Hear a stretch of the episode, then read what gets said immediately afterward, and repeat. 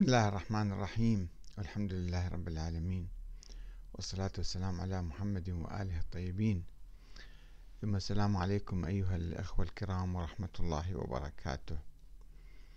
يقولون في تبرير التقليد الأعمى بأن الجاهل يرجع إلى العالم كما يرجع المريض إلى الطبيب. آه، إذا صح هذا المثل في الحقيقة فإن المشكلة آه، تكمن في رجوع الجاهل إلى الأجهل وليس إلى العالم. يعني إذا كان الطبيب هو مريض وموبوء فكيف يعالج المرضى؟ المشكلة في الحوزة هذه الأيام أنها موبوءة بفيروسات الغلو. والخرافة والأساطير. وطبعا لا يجوز الرجوع إلى أي إنسان في الأمور العقائدية إنما يجب على كل إنسان أن هو يجتهد. هذا يقوله كل العلماء يعني. ولكن مع ذلك آه، الحوزة وضعت لها منابر وتتكلم مع الناس وتبث الخرافة والأساطير وتقبض ثمنا على ذلك. يقبضون أموال الخمس ويؤسسون مراكز للإفتاء وللإرشاد يعني ولمعالجة الناس وإذا بهم يبثون هذه آه، القصص الخرافية والمغالية والتي آه، يصل بعضها لحد الشرك بالله تعالى أو إلى نصف الإسلام حتى. هناك آه، في مكتب السيد السيستاني آه، مكتب خاص للأسئلة والأجوبة. يسأل أحد الأخوان من مصر اسمه جمال. السؤال معاجز في ولادته عليه السلام. يقول لقد قرأت كتابا يدعى علي من المهدي إلى اللحد للسيد كاظم القزويني ووجدت فيه بعض الأفكار التالية تكلم علي عليه السلام وهو ابن ثلاثة أيام وأنه قرأ القرآن قبل أن ينزل على النبي. متعجب هذا الرجل من مصر ويسأل الحوزة. يعني هو كأنه يسأل مستنكرا وإلا ما يحتاج واحد يسأل إنسان آخر أجهل من عنده. ما مدى صحة هذه الأفكار؟ جزاكم الله خيرا. بدل ما يقولوا له هذه أفكار مغالية وخرافية وأسطورية ومتسربة إنه وما بها دليل وتخالف القرآن وتخالف العقل وتخالف التاريخ حتى يجاوبوا بالعكس. آه الأخ المحترم السلام عليكم ورحمة الله. هذه ليست أفكارا وإنما أقوال تستند إلى روايات وردت في بعض المجامع الحديثية عند الشيعة الإمامية. ككتاب بحر الأنوار جزء 35 الخاص بتاريخ أمير المؤمنين عليه السلام. يعني شنو كتاب بحر الأنوار؟ صار قرآن ولا صار حجة شرعية ما كل العلماء يعرفون حتى أبسط الناس يعرفون هذا الكتاب. يعني حشو يروي كل الأشياء بدون تحقيق وبدون تدقيق. وبيان حال ولادته وما جرى عندها. والحال أن التكلم عند الطفولة بشكل عام يعد من المعجزات التي أشار إليها القرآن الكريم بحق عيسى عليه السلام. طيب القرآن أشار إلى قصة النبي عيسى وتكلمه لتبرئة أمه من تهمة الزنا. لا يعني أن نجي نقيس ما دام عيسى تكلم والقرآن ذكر ذلك فإذا الإمام علي يجب أن يكون يتكلم في المهد. والملاحظ أن ولادة الإمام أمير المؤمنين عليه السلام في جوف الكعبة هو بحد ذاته يعد معجزة كبيرة. طيب كيف أثبتت هاي القصة يا شيخنا الكريم يا سيدنا الجليل؟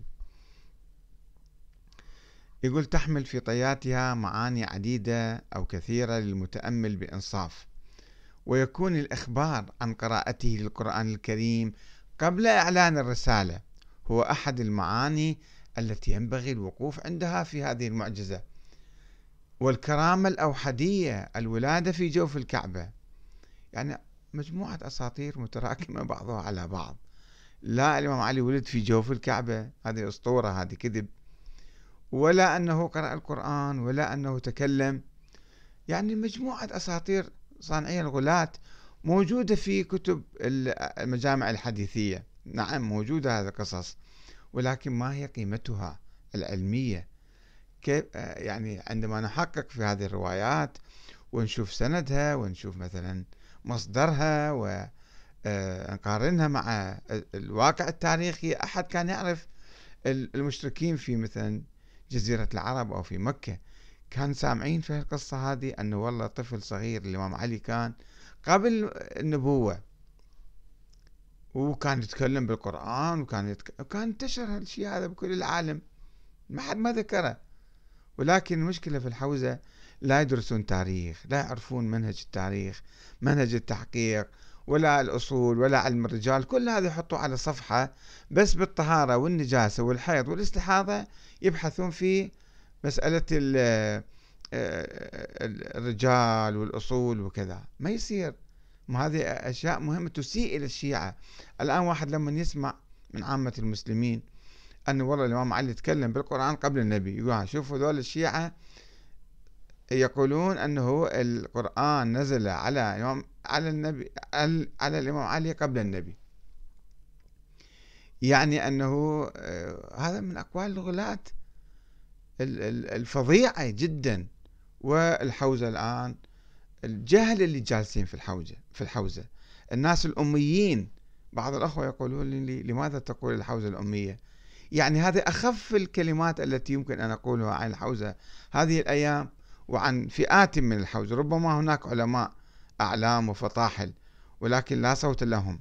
ولكن هذا الصوت المتصدي الآن في الحوزة. باسم السيد السيستاني وباسم المرجعية وباسم كذا يبث الخرافات والأساطير ويشوه سمعة الشيعة ويسيء إلى الشيعة ويعزل الشيعة في المجتمع في العالم ويؤلب الناس ضد الشيعة حتى يجوا الناس يعني يفجروا أنفسهم أو يكفروا الشيعة أو آه، يلصقوا بهم ما يشاءون من التهم والافتراءات. يقول أيضا آه، آه، يقول ويكون الإخبار عن قراءته للقرآن الكريم قبل إعلان الرسالة بعشر سنوات هو أحد المعاني التي ينبغي الوقوف عندها في هذه المعجزة والكرامة الأوحدية التي لم تكن لأحد من قبله ولا بعده. ولعلها تكشف لنا عن مصداق من المصادق المستفادة من قول النبي صلى الله عليه وآله الذي رواه ابن أبي الحديد المعتزلي. في شرح نهج البلاغة جزء 2 صفحة 450 ناقلا عن مسند أحمد. يعني ابن أبي الحديد كان في القرن السابع وأحمد كان في القرن الثالث الهجري. وحتى لو أحمد روى رواية يعني هذه ما صارت آية قرآنية ولا حديث متواتر. وإحنا العلماء السابقون علماء الشيعة يقولون أخبار الآحاد لا يمكن لا يمكن العمل بها ولا تفيد علما. فد خبر طاير فد واحد ذاكر حتى لو كان سني مثلا أو أحمد بن حنبل أو واحد معتزلي مثلا. هذا ما يكون حجة علينا ونصدق كل شيء. يمكن هذه هو هو ما متأكد وراوي حشو في في كتبه. فنحن نجي نصدقهن وناخذهن ونبني عليهن. ما يجوز الشكل. ولكن هؤلاء في الحوزة هكذا يقول يستند على رواية أخرى أسوأ من ذيك. يقول كنت أنا وعلي بن أبي طالب نورا بين يد الله قبل أن يخلق آدم بأربعة عشر ألف عام. زين إذا هذا كان حقيقي وصحيح لماذا لم يذكر الله تعالى؟ الله ذكر قصة الملائكة وقصة خلق آدم وقصة ابني آدم وقصة ما ذكر هالشيء هذا. كان النبي والإمام علي الله خلقهم قبل كان ذكر أول شيء أن الله خلق مو آدم خلق النبي محمد وخلق الإمام علي. يعني شيء ما موجود في القرآن. ليش إحنا نروح بالقمامة بسلات المهملات؟ هنا وهناك ناخذ أحاديث ونجعل منها كأنها يعني عقائد إن. وبالتالي آه، نغالي بالإمام علي. ثم نختلف عن بقية المسلمين ثم آه، آه، نصنع الطائفية ثم نعقد حياتنا السياسية والاجتماعية والثقافية ونسيء آه، إلى أنفسنا قبل أن يعني نمدح الأئمة. هناك أسئلة كثيرة سائلين. هؤلاء الجهلة الأميين الجالسين في الحوزة في باسم المرجعية وباسم السيد السيستاني أنا ما أعتقد السيستاني يوافق على هذه ولكنه لا يطلع عليها. وناس يكتبون باسمه ما يشاءون. علينا أن نتأمل ونفكر ونجتهد وندرس هذه الأمور قبل أن نبثها. المشكلة هذه الأيام هذه فيروسات فيروسات ثقافية. ويجون ذول الناس اللي يدعون هم أطباء يعني علماء هم يبثون الأمراض وينشرون الأوبئة الفكرية والثقافية في المجتمع مع الأسف الشديد. والسلام عليكم ورحمة الله وبركاته.